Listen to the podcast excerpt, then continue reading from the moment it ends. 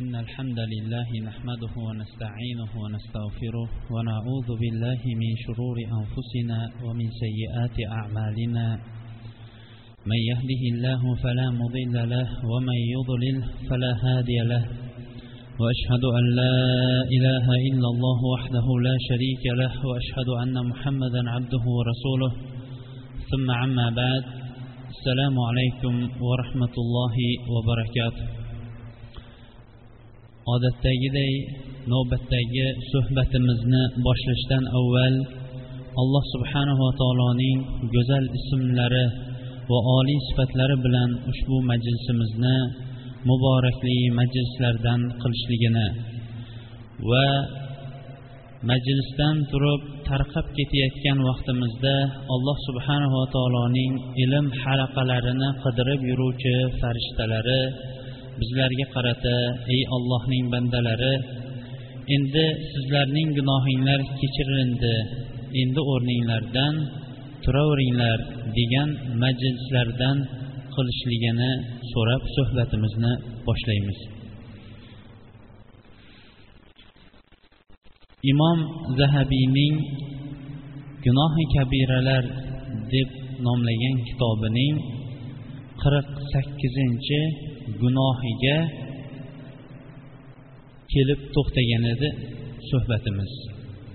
Qirq sakkizinchi gunohi kabira umumiy xoh uylarga bo'lsin xoh kiyimlarga bo'lsin xoh devor yoyinki boshqa umumiy hamma o'rinlarga jonli tasvirlarni chizishlik gunohi kabirasiga kelib to'xtagan ekan التصوير في الثياب والحيطان والحجر والدراهم وسائر الأشياء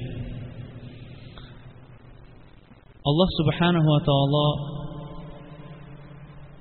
o'zining amallarini o'ziga xos qilib yaratishlikni ham o'ziga xos qildi shu bobdan alloh subhanahu va taolo bu maxluqotlarni yaratar ekan uning yaratguvchisi yolg'iz o'zi ekanligining alomatlarini bizga ko'p o'rinlarda bayon qilib berdi. Lekin xalqlar tomonidan ham agarchi o'zlari o'sha alloh subhanahu va taolo yaratgan narsalardan jamlab allohning maxluqotlariga o'xshatishga ming harakat qilinganda ham baribir olloh bergan ruhni berishlikka mana bu eng rivojlangan aslihalar ham bunga qodir emasligini va bu narsaning hammasiga qodir yolg'iz alloh subhanava taoloning o'zi ekanligini mana bugungi asrda rivojlangan fan va texnikaning o'zi ham tan berib turibdi desak ham mubolag'a bo'lmagan bo'ladi. Chunki bugungi kunda rivojlangan bu aslihalar agarchi insonning qiyofasini xoh rasm holatida xoh asl bo'rtma shakllarda yoinki asl holatlarida inson qiyofasidan o'zgartirmagan holatda agar qilib qo'ysalar ham lekin olloh bergan ruhni ular bera olmayotganligi bu dunyoning haqiqiy yaratguvchisi xoliqiyu roziqi yo'qdan bor qilguvchi zot bor ekanligiga dalolat qilib turadigan alomatlarning bittasi bo'lib qolyapti va to qiyomatgacha ana shunday bo'lib qoladi.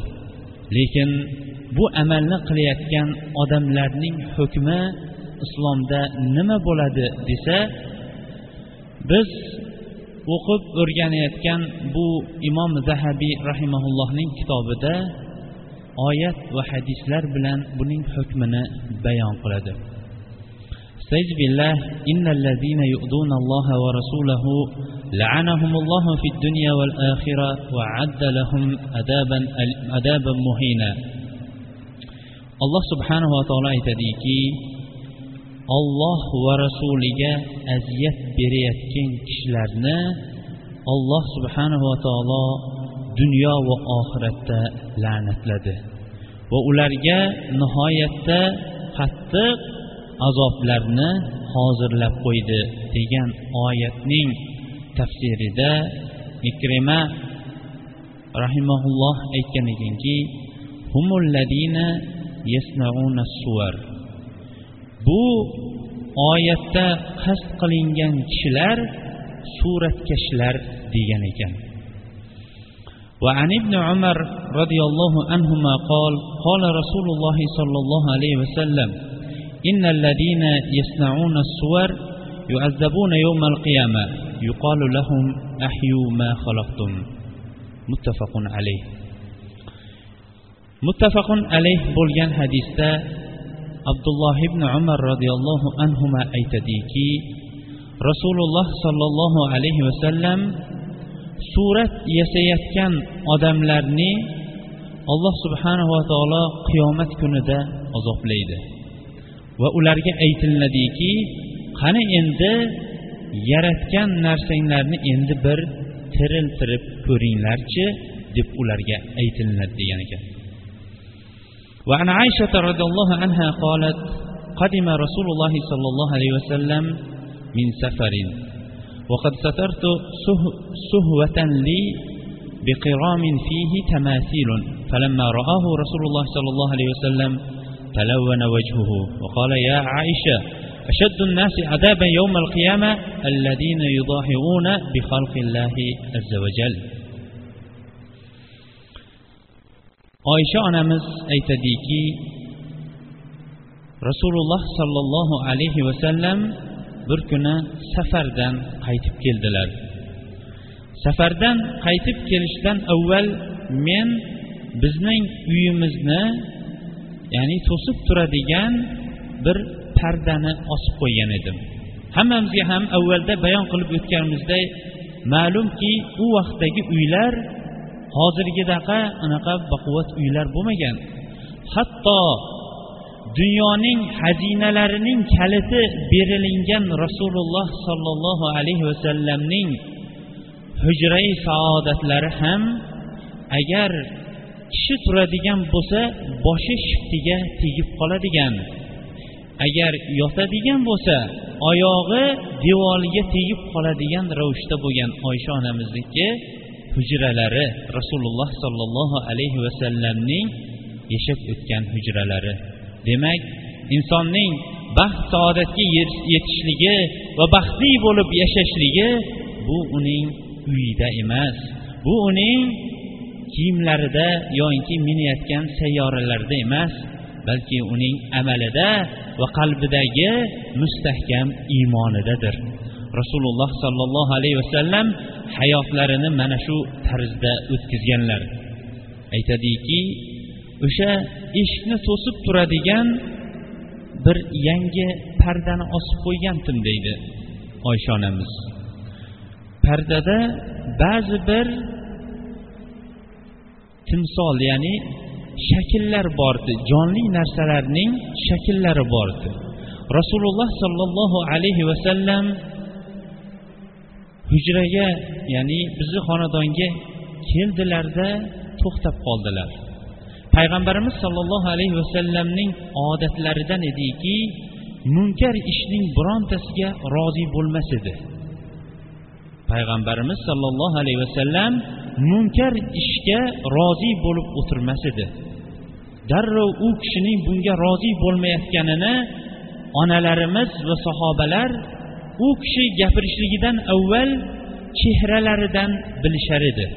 Bu hadisda ham aytyaptiki rasululloh sollallohu alayhi vasallamning muborak chehralari o'zgardi. Ranglari o'zgardi va aytdiki ey oysha qiyomat kunida eng qattiq azoblanadigan kishilar alloh taolo yaratgan narsalar bilan baravar yaratishlikka harakat qilgan kishilar ya'ni mana bu suratkashga o'xshash odamlar dedi. Buni eshitgan onamiz nima qildilar? Aytadiki uni bo'lak bo'lak qilib parchaladimda o'tiradigan va yonboshlaydigan yostiqqa aylantirib qo'ydim deydi mana shu hadisdan ba'zi bir ulamolar aytishganki umumiy xonadonda surati bor narsani ishlatishlikka bo'lmaydi. Lekin mana shu hadisga muvofiq oysha onamizning amaliga muvofiq agar insonning oyog'i ostida tepkilanib xorlanadigan narsalar bo'lsa ishlatsa bo'laveradi degan. Lekin ehtiyot bobidan bundan ham chetlangani afzalroqdir. Bu hadis ham muttafaqun alayh bo'lgan. Hadislardandir وعن ابن عباس رضي الله عنهما قال سمعت رسول الله صلى الله عليه وسلم يقول كل مصور في النار يجعل له بكل صورة صورها نفس يعذب في نار جهنم متفق عليه متفق عليه bo'lgan hadisda ibn abbos roziyallohu anhu aytadiki men rasululloh sollallohu alayhi vasallamning shunday deyayotganini eshitgan edim suratkashlarning hammasi ham jahannamdadir ular qilgan suratlarning hammasiga jon kiritiladida ana undan keyin jahannamda ular azoblaniladi deydi وعنه رضي الله عنه قال سمعت رسول الله صلى الله عليه وسلم يقول ما من سورة في الدنيا كلف أن ينفخ فيها الروح يوم القيامة وليس بنافخ فيها أبدا yana u kishidan bu bobda rivoyat qilgan hadisda aytadiki men rasululloh sollallohu alayhi vasallamning shunday deyayotganlarini eshitdim dunyodagi suratlarning hammasiga suratning egasi jon kiritishlikka qiyomat kunida talab qilinadi lekin bu kishi hech ham unga jon bera olmaydi va mana shunday turishligi bilan u azoblanadi yana muttafaqun alayh bo'lgan hadisda قال قال رسول الله صلى الله عليه وسلم لا تدخل الملائكة بيتا فيه كلب ولا صورة payg'ambarimiz sollallohu alayhi vasallam aytdilarki uyida it va surat bo'lgan uyga farishtalar kirmaydi deyishgan. Mana bu tepada o'qib o'tilingan hadislarning aksari muttafaqun alayh bo'lgan hadislardir. Endi bu hadislarning tadbiqiga va ba'zi bir mulohazalarga to'xtab o'tamiz. Qachon qur'oni karim va payg'ambarimiz sollallohu alayhi vasallamning hadislarida biron bir lafz keladigan bo'lsa u lafzni boshqa bir ma'noga burishlik uchun bunga ham qur'oni karimdan yoki payg'ambarimiz sollallohu alayhi vasallamdan o'sha ma'noni yo o'sha lafzni boshqa ma'noga aylantirishlikka dalil bo'la oladigan hujjat kerak bo'ladi. Surat masalasida ulamolar nihoyatda ko'p ixtilof qilishgan. Lekin ixtilofning baribir aylanib kelganda surat bobida kelgan hadislarning hammasi ommatan kelgan. Ba'zilar aytishganki bu suratlar aks hisoblanadi. Suratdan aytyapti bu hadislarda kelgan suratdan murod naqshlab yoki burtirib chizilingan suratlar boshqalari suratga kirmaydi. Desa dahabiyning o'zi ham aytyaptiki hadisda kelgan suratlar mutloq hamma suratlarni o'z ichiga oladi.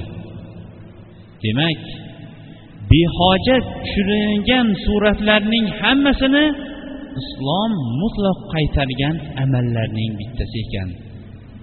Nima uchun? Chunki buning egasi xoh tushirayotgan odam xoh tushayotgan odamning o'zi. Suratkash ham va o'sha suratga tushayotgan odamning o'zi ham. Chunki hadisda musavvir ikkovini ham o'z ichiga olib keladi deyishgan.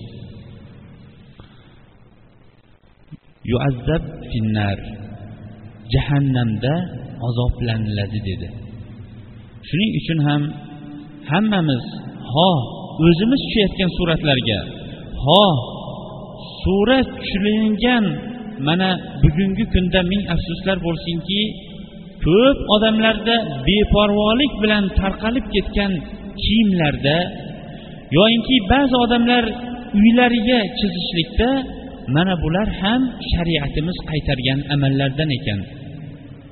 Ko'pchilik uyda baraka bo'lmasligini va o'rtada farzandlari arzimagan narsaga tortishib urushib qolishligini va oila boshliqlari ham ba'zan arzimagan narsalarga kelishmay qolishligini va ishi ham hech yurmayotganligini shikoyat qilib ko'rishadi bu hadisda payg'ambarimiz sollallohu alayhi vasallam aytyaptiki uyida it va surat bo'lgan uyga farishta kirmaydi deyapti.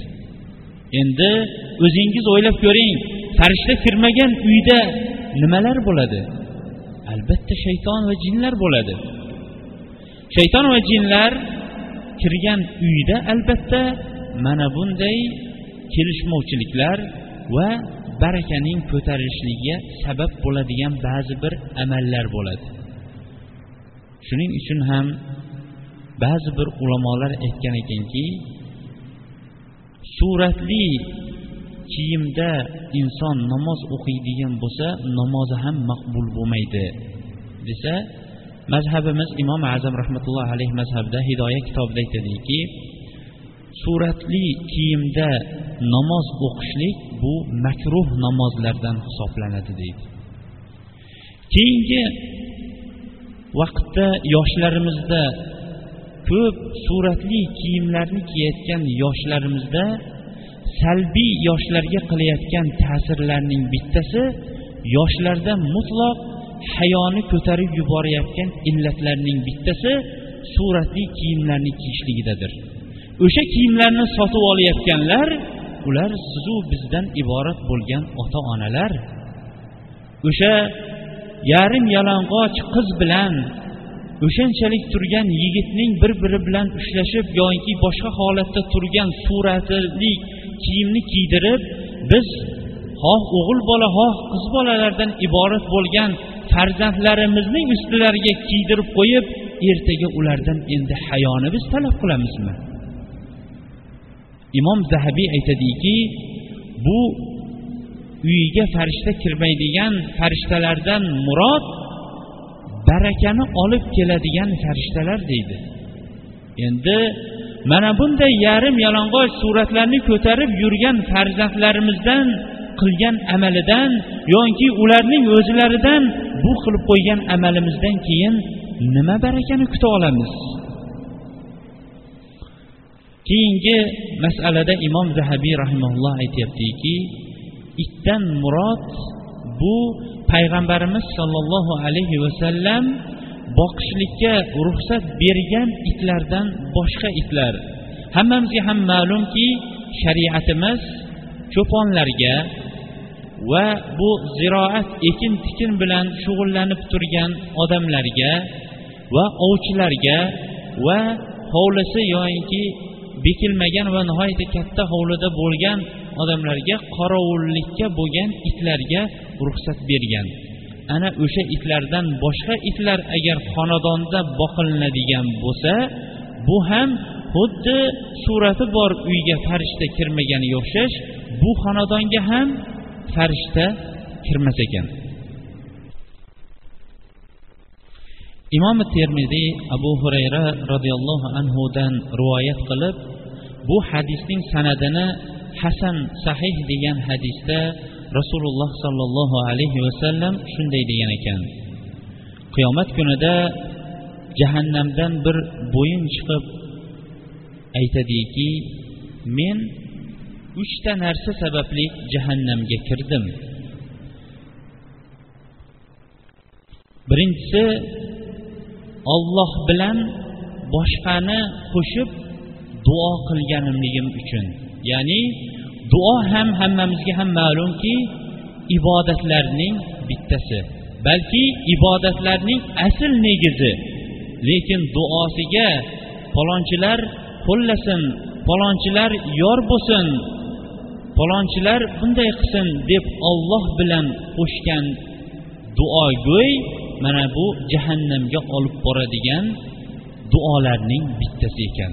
Payg'ambarimiz sollallohu alayhi vasallam ibada duo ibodatdir degan. Ibodatni esa biz yolg'iz olloh subhanava taoloning o'zigagina qilishlikka ma'mur bo'lganmiz. Kim ollohga qo'shib biron bir maxluqotlarni xoh tog' bo'lsin xoh katta toshlar bo'lsin xoh katta avliyoyu azizlarni qo'shib duo qiladigan bo'lsa mana bu hadisga muvofiq bu duo bu egasini najotga emas jahannamga olib boradigan duolardan ekan. Ikkinchisi yerda nihoyatda takabburlik va qo'lining ostilaridagi odamlarga zulm qilishlik bilan jahannamga kirdim. Uchinchisi esa surat sabablik degan ekan. Demak inson beuzr yoyinki muhtoj bo'lmagan o'rinlarda suratga tushishligi bu insonni jahannamda azoblanishligiga sabab bo'ladigan amallarning bittasi ekan. Shu o'rinda ham biz ulamolar ruxsat bergan uzrli yoyinki ruxsat o'rinlari qaysi o'rinlar ekanligini ham zikr qilib o'tishligimiz kerak. Surat tushishlikka ruxsat berilgan o'rinlari javoz ya'ni pasport uchun tushiriladigan suratlar. Ana undan keyin tergov bobida beriladigan suratlar. Ana undan keyin ba'zi bir rasmiy qog'ozlar uchun berilinmasa bo'lmaydigan suratlar bo'ladigan bo'lsa ehtiyoj bobidan ulamolar mana shu o'rindagina ehtiyoj bobidan suratga tushishlikka ruxsat berishgan.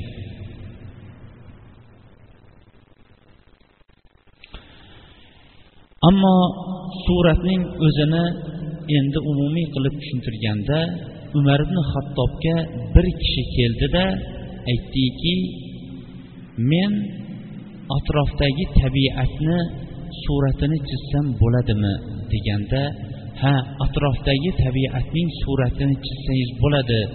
Rasululloh sollallohu alayhi vasallam qaytargan surat joni bor bo'lgan maxluqotlarning suratini chizishlikdir dedilar. Demak bugungi suhbatdan olingan foyda har bir jonli zotning jonli maxluqotlarning suratini olishlik yoki suratini chizishlik bu mutlaq islom harom qilgan oxir oqibati esa jahannamda inson azoblanishligiga sabab bo'lgan amallarning bittasi ekan. imom muslim rivoyat qilgan hadisda hayyon ibn husayn aytadiki qolali ali ibn abi tolib roziyallohu anhu ala ubasuka ala ma ba'asani alayhi rasululloh sollallohu alayhi vasallam alla tada'a suratan illa tamastaha ولا قبرا مشرفا إلا سويتها ali roziyallohu anhu bu hayyon ibn husayn degan tobiinga aytdiki sizni men payg'ambarimiz alayhissalom meni jo'natgan narsaga sizni ham jo'nataymi? Payg'ambarimiz alayhissalom meni jo'natgan narsasi bu makka fathida edi. Makka fath qilingandan keyin ali roziyallohu anhuni ba'zi o'rinlarga jo'natib aytgan ediki qaysi bir o'rinda suratni ko'radigan bo'lsangiz uni yo'qotib tashlang va qaysi bir o'rinda baland ko'tarilgan qabrni ko'radigan bo'lsangiz uni tekislab qo'ying deb payg'ambarimiz alayhissalom ali roziyallohu anhuni jo'natgan edi mana shu amal uchun. Shuning uchun ham suratlarni biz o'zimiz bu dunyodan foniy bo'lib ketishimizdan avval ularni foniy qilib yuborishligimiz ya'ni ketkazib yuborishligimiz bu asl shariatimizga muvofiq bo'lgan amallardan bittasidir. Alloh subhanava taolo hammamizni ham o'zi yaxshi ko'radigan va rozi bo'ladigan amallarga o'zi yo'llab qo'ysin va o'zi yomon ko'radigan va rozi bo'lmaydigan va jahannamga olib boruvchi amallardan o'zi saqlasin. Savol tushibdi bir narsa sotsa uni olayotgan odam qarzga olsa u narsani yana sotsa ustiga qo'yib kelishilgan holda qarzdan foydalangani uchun qarzining ustiga pul qo'yib olsa sudxo'rlikka kiradimi? Iltimos hujjat bilan javob bering. Biz tushunganimiz shu bo'ldiki agar bir kishi qarzga yoyinki falon vaqtda beraman deb molni oldi. Masalan hozir may oyi bo'ladigan bo'lsa avgust oyida o'shaning narxini bilan o'sha kelishgan narxi bilan avgust oyida pulini beradigan bo'lib oldi. Ana undan keyin avgust oyi kelishidan avval uni boshqa bir odamga sotib yubordi. Siz payg'ambarimiz sollallohu alayhi vasallam agar shunday tushungan bo'lsak agar adashgan bo'lsak bu bizdan va shaytondan agar to'g'ri aytgan bo'lsak bu ollohdan payg'ambarimiz sollallohu alayhi vasallam bir savdo ichida ikkita savdo qilishlikdan qaytargan. Agar siz o'shani o'zingizning mulkingizga olib bo'lganingizdan keyin boshqaga sotsangiz bo'ladi. Agarchi pulini kechiktirib qo'ygan bo'lsangiz ham. Lekin olayotgan vaqtingizning o'zida o'shanga kelishgan bo'lsangiz bu bir savdoning ichida ikkita narsani kiritgan bo'lasizda. Bu payg'ambarimiz alayhissalom qaytargan amallarniki bittasi bo'lib qoladi. Keyingi savol mahr haqida so'ralinibdi bu mahrni belgilab berishlik haqida mahrni shariatimiz berishlikka buyurgan lekin uning miqdorini bizlarga belgilab bergan emas. Payg'ambarimiz sollallohu alayhi vasallam al urfu muhakkamatun urf hukm qiladi degan. Mana bu o'rinda ham shariatimiz buyurganu lekin belgilab bermagan amalda urfga qaraladi. Tushunarli bo'lsa kerak a shariatimiz buyurganu lekin belgilab bermagan amalda urfga qaraladi. Masalan mana shu oqso'kin qishlog'idagi men bu yilgi urf bu mahrni bilmadim lekin o'tgan yilga qaraganda masalan yigirma yo o'ttiz ming mahr bo'ladigan bo'lsada bunga yaqinroq boshqa bir qishloqlarda ellik ming oltmish ming bo'ladigan bo'lsa hech qachon boshqa qishloqlarning urfini bu yerda joriy qilinmaydi. Mana shu qishloqning o'zida o'sha yerning urfi bilan mahr aniqlanib o'sha yerni urfi bilan berilaveradi. Savol payg'ambarimiz sollallohu alayhi vasallam qanday uzuk taqgan? Payg'ambarimiz sallallohu alayhi vasallam degan vaqtda bu s a v debdi bu ham baxillikka kiradi deyishgan payg'ambarimiz sallallohu alayhi vasallam shuning uchun to'g'ri yozish kerak. Payg'ambarimiz sollallohu alayhi vasallam kumushdan bo'lgan uzukni taqgan va aytganlarki mening ummatimning erkaklariga tilla bilan ziynatlanishlik harom qilindi degan kumushdan e, uzuk taqqanlar va qaysi qo'liga qo'ygan va qaysi panjasiga qo'ygan? Bu barmog'iga qo'ygan. Mashaalloh bu ham alloh alam sunnatga ergashishlik bo'lsa kerak. O'ng qo'llariniki panjasini lekin bilmadim o'ng qo'llarida bo'lgan inshaalloh buni bir kitobni ko'rib qo'yganimizda javobini beramiz alloh subhanava taolo hammamizni ham mana bunday sunnatga mustahkam yopishib sunnat bilan amal qiladigan va sunnat bilan vafot etadigan va sunnat bilan qiyomatda tiriladigan odamlardan qilsin. Va hammamizni ham o'sha yo'qolib ketgan sunnatlarni tiriltirishlikka alloh subhanava taolo muyassar qilsin va o'z hammamizni ham o'zi yaxshi ko'radigan amallarga muvaffaq qilsin. Farzandlarimizni o'zimiz o'ylagandan ham ortiqroq solih va soliha farzandlardan qilsin. Iymon va amali solih bilan xonadonlarimizdan o'tganlarni alloh subhanava taolo mag'firatu rahmat aylab gunohlarini kechirib savol javoblarni yengil qilib qabr qabrlarini jannat bog'chalaridan bir bog'chaga aylantirsin subhanakallohumma bihamdik ashhadu an la ilaha illa ant astag'firuka va atubu ilayk bi rahmatika ya arhamar إن الحمد لله نحمده ونستعينه ونستغفره ونعوذ بالله من شرور أنفسنا ومن سيئات أعمالنا. من يهده الله فلا مضل له ومن يضلل فلا هادي له. وأشهد أن لا إله إلا الله وحده لا شريك له. وأشهد أن محمدا عبده ورسوله. ثم عما بعد در haqiqat alloh subhanahu va taoloning bu koinotda yurgizib qo'ygan qonuni ila qish faslidan bahor fasliga va bahor faslidan ham mana yoz fasliga yaqinlab qoldik alloh subhanahu va taoloning bu koinotda yurgizgan bu sunnati bilan qish faslidan keyingi hamma narsalar o'zlarining to'nlarini tashlashdi. Koinot boshqa bir suratga ollohning izni bilan kirdi. Bu ham insonlarning qiyomat kunida alloh subhanava taoloning bir amri bilan boshqa bir suratga kirishligi va yer ostida yashirinib yotgan qancha qancha bu nafslar jonlar ollohning bir amri amri bilan mahshargohga yig'ilishligiga dalil bo'ladigan alomatlarning bittasi edi. Xuddi atrofda ko'p narsalar o'zgarib o'zlarining qalin to'nlarini tashlaganga o'xshash sizu bizning farzandlarimiz ham o'zlari kiyib yurgan liboslarini tashlashdi. Liboslarining qalinini tashlab turib yupqalarini kiygan bo'lsa ham mayli ediya lekin ming afsuslar bo'lsinki ular liboslarini mutloq tashladi desak agar mubolag'a bo'lmagan bo'lar edi.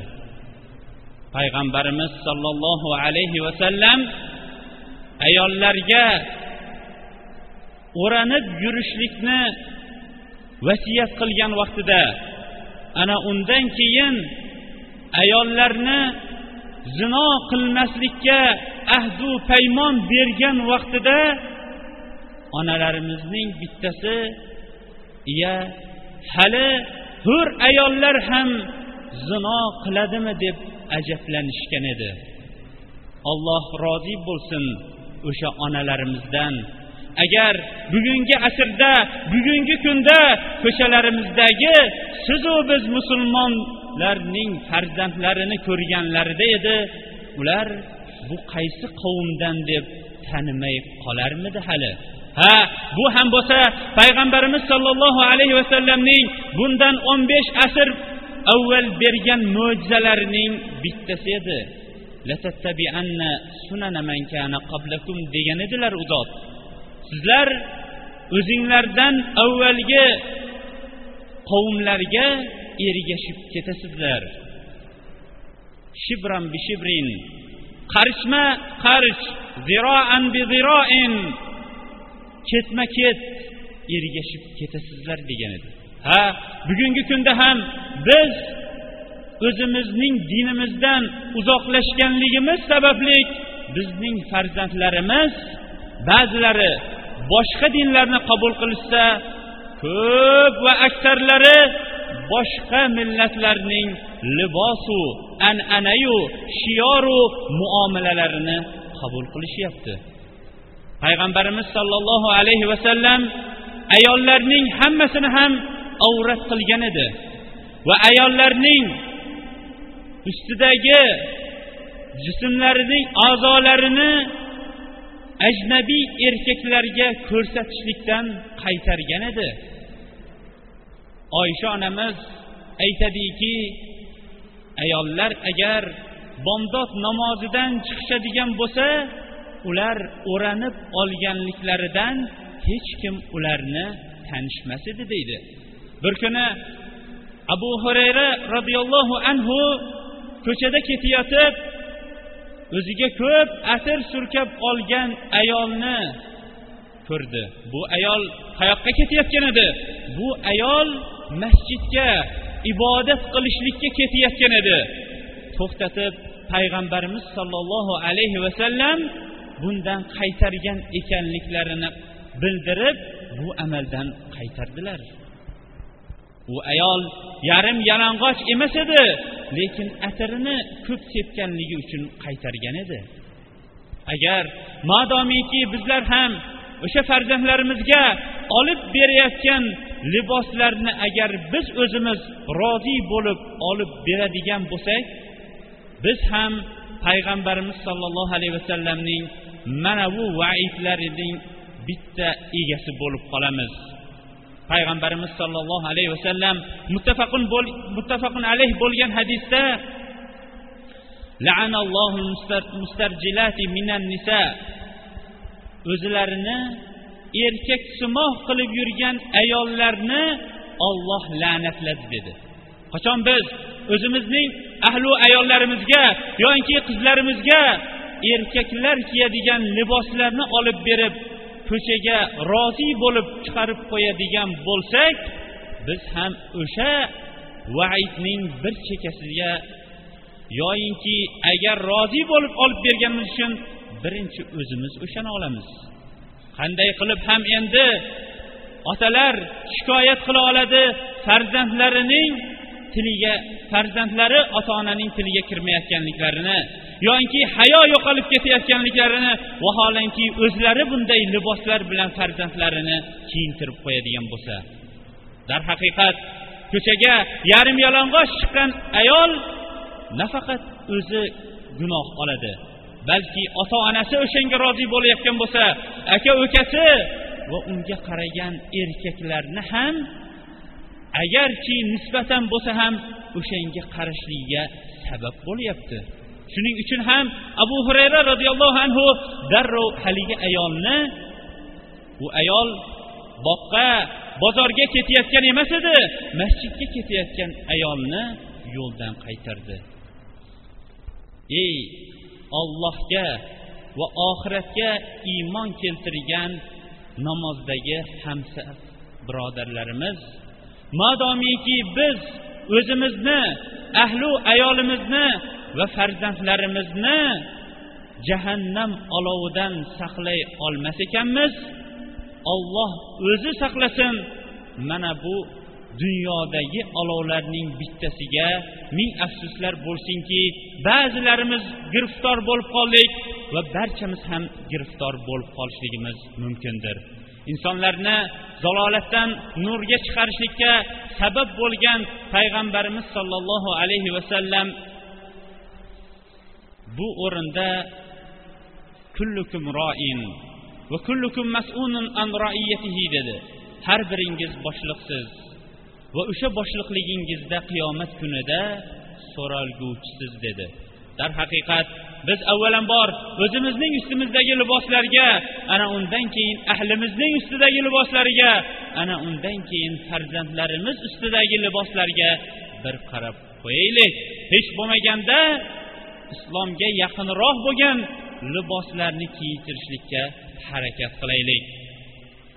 Darhaqiqat biz bilib bilmasdan ko'p gunohlarni qilib qo'ydik.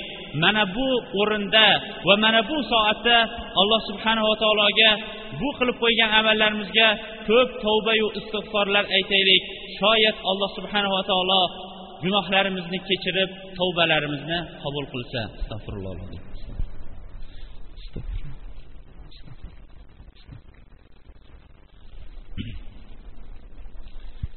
الحمد لله والصلاة والسلام على رسول الله وعلى آله وصحبه ومن اهتدى بهديه إلى يوم الدين وبعد yana muammolardan bittasi xalqimiz ichida keng tarqalib ketgan urflar bu to'ylar bahor kelishligi bilan farzandlarini uylanmoqchi bo'lgan ota onalar qiz qidirishlik. Yoki qiz qidirib quda bo'lganlar endi to'yning taraddudiga ayni berilib qolgan vaqtlarning bittasida turibmiz. Payg'ambarimiz sollallohu alayhi vasallam kelin qidirishlikda birinchi diniga qarashlikka buyurganlar. Qiz bolani ham dini va xulqida rozi bo'ladigan o'ringa berishlikka buyurganlar. Ana undan keyin bizni ichimizda huda andachilik bobida ko'p tarqab ketgan noo'rin noshar'iy ishlarning bittasi ikki tomon huda bo'lib qo'yganidan keyin yigit bilan qiz nikohdan avval bemalol ular yurishaverishligi va oxir oqibat hali nikohi o'qilinmagan kelin bo'lmish qiz nikohidan avval homilador bo'lishligidir. Bu ham ming afsuslar bo'lsinki ko'p farzandlarimizniki nikohsiz tug'ilishligiga sabab bo'ladigan amallarning bittasidir. Buning nihoyatda yengil yo'li bor. Yengil yo'llarning eng avvalida modomiki ikki tomon rozi bo'lib quda bo'lishar ekan ertasiga yoki o'sha kuni qiz bilan yigitni nikohlab domlani olib kelib nikohlab qo'yishsin ana undan keyin to'yga qachon ular tayyorgarlik ko'rib olguncha baribir bular nikoh o'qisa ham nikoh o'qimasa ham baribir bular yuraverar ekan siz nikohini avval o'qitib qo'ying. Ana undan keyin bular ham siz ham xotirjam yuravering va siz o'ylagandan va o'ylagan siz o'ylaganday balki siz o'ylagandan ham afzalroq nevara va farzandlarni ana undan keyin umid qiling. Darhaqiqat payg'ambarimiz sollallohu alayhi vasallam o'ziga ko'p salotu salomlar aytishlikka buyurdi. Bo'lib ham mana bu kunda ko'p payg'ambarimiz alayhissalomga salovat aytishlikka buyurdi. Payg'ambarimiz sollallohu alayhi vasallam anas roziyallohu anhu rivoyat qilgan hadisda payg'ambarimiz alayhissalom minbarga chiqdilarda amin amin amin dedilar. Sahobalar ajablanishib yo rasululloh alamaza ammanta? Nimaga amin dedingiz? deganda aytdiki jibril menga keldida ramazon oyi kirsayu lekin gunohlari kechirilmagan odamning burni yerga ishqalansin amin deng deganda amin dedim dedi. Qaysi bir o'rinda siz zikr qilinsangizu lekin sizga salovat aytilinmasa ya'ni sollallohu alayhi vasallam yoki hech bo'lmaganda alayhissalom deb qo'yilmagan odamning burni yerga ishqalansin amin deng deganda amin dedim dedi. Va qaysi bir kishi o'zining ota onasini ikkovini ham yoki birontasini qarilik vaqtida topsayu lekin ota onasi bu kishini jannatga kirishligiga sabab bo'lmaydigan bo'lsa bu kishining ham burni yerga ishqalansin amin deng deganda amin dedim dedi darhaqiqat payg'ambarimiz sallallohu alayhi vasallam keyingi hadisda kim menga bir marta salovat aytsa alloh subhanava taolo unga o'n marta salovat aytadi degan alloh subhanava taolo esa إن الله وملائكته يصلون على النبي يا أيها الذين آمنوا صلوا عليه وسلموا تسليما albatta olloh va uning farishtalari payg'ambariga salovatlar aytib turadi. Ey iymon keltirgan kishilar payg'ambarga ko'p salotu salomlar aytinglar deb buyuryapti. Mana bu o'rinda payg'ambarimiz sollallohu alayhi vasallamga ko'proq salovatlar aytaylik. Allohumma solli ala muhammad va ala ali muhammad كما صليت على إبراهيم وعلى آل إبراهيم إنك حميد مجيد اللهم بارك على محمد وعلى آل محمد كما باركت على إبراهيم وعلى آل إبراهيم إنك حميد مجيد اللهم أرنا الحق حقا وارزقنا اتباعه وأرنا الباطل باطلا وارزقنا اجتنابه ربنا لا تزغ قلوبنا بعد إذ هديتنا وهب لنا من لدنك رحمة إنك إنك أنت الوهاب ربنا لا تؤاخذنا إن نسينا أو أخطأنا. ربنا ولا تحمل علينا إسرا كما حملته على الذين من قبلنا. ربنا ولا تحملنا ما لا طاقة لنا به. واعف عنا واغفر لنا وارحمنا. أنت مولانا فانصرنا على القوم الكافرين. اللهم يا مقلب القلوب ثبت قلوبنا على دينك. اللهم يا مسرف القلوب صرف قلوبنا على طاعتك. ربنا هب لنا من أزواجنا وذرياتنا قرة أعيننا واجعلنا للمتقين إماما. صلى الله تعالى خير خلق محمد وعلى آله وصحبه أجمعين برحمتك يا أرحم الراحمين